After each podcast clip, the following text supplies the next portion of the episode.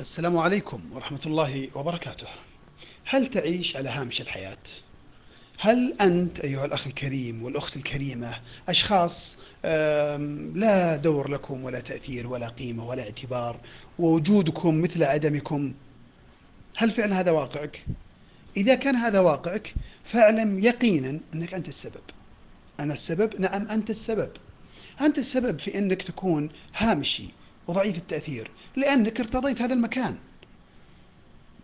طبعا أسهل شيء تقول لا هم أصلا ما أعطوني فرصة والناس و... سهل جدا التخلص. يا عزيزي ويا عزيزتي أنا أتعجب. اطلعت على سير أشخاص وشاهدت مقاطع لأشخاص آه، معاقين فعلا. واحد ما يستطيع يحرك رجليه ولا يديه. ثاني آه، مشلول بشكل معين. ثالث فقد جزء من أطرافه. ورابع أصم وخامس أعمى وسادس.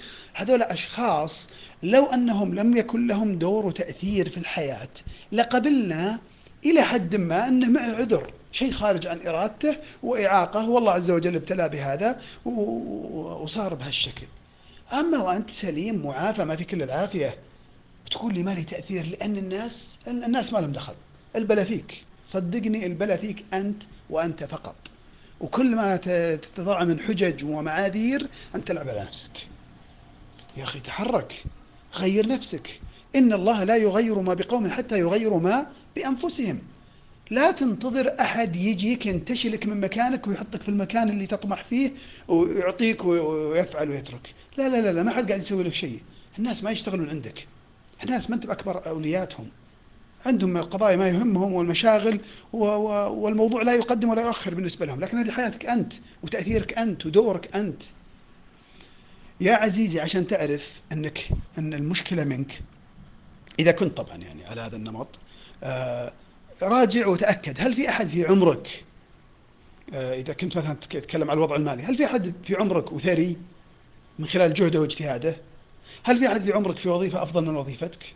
هل في أحد في عمرك متعلم أكثر من تعليمك؟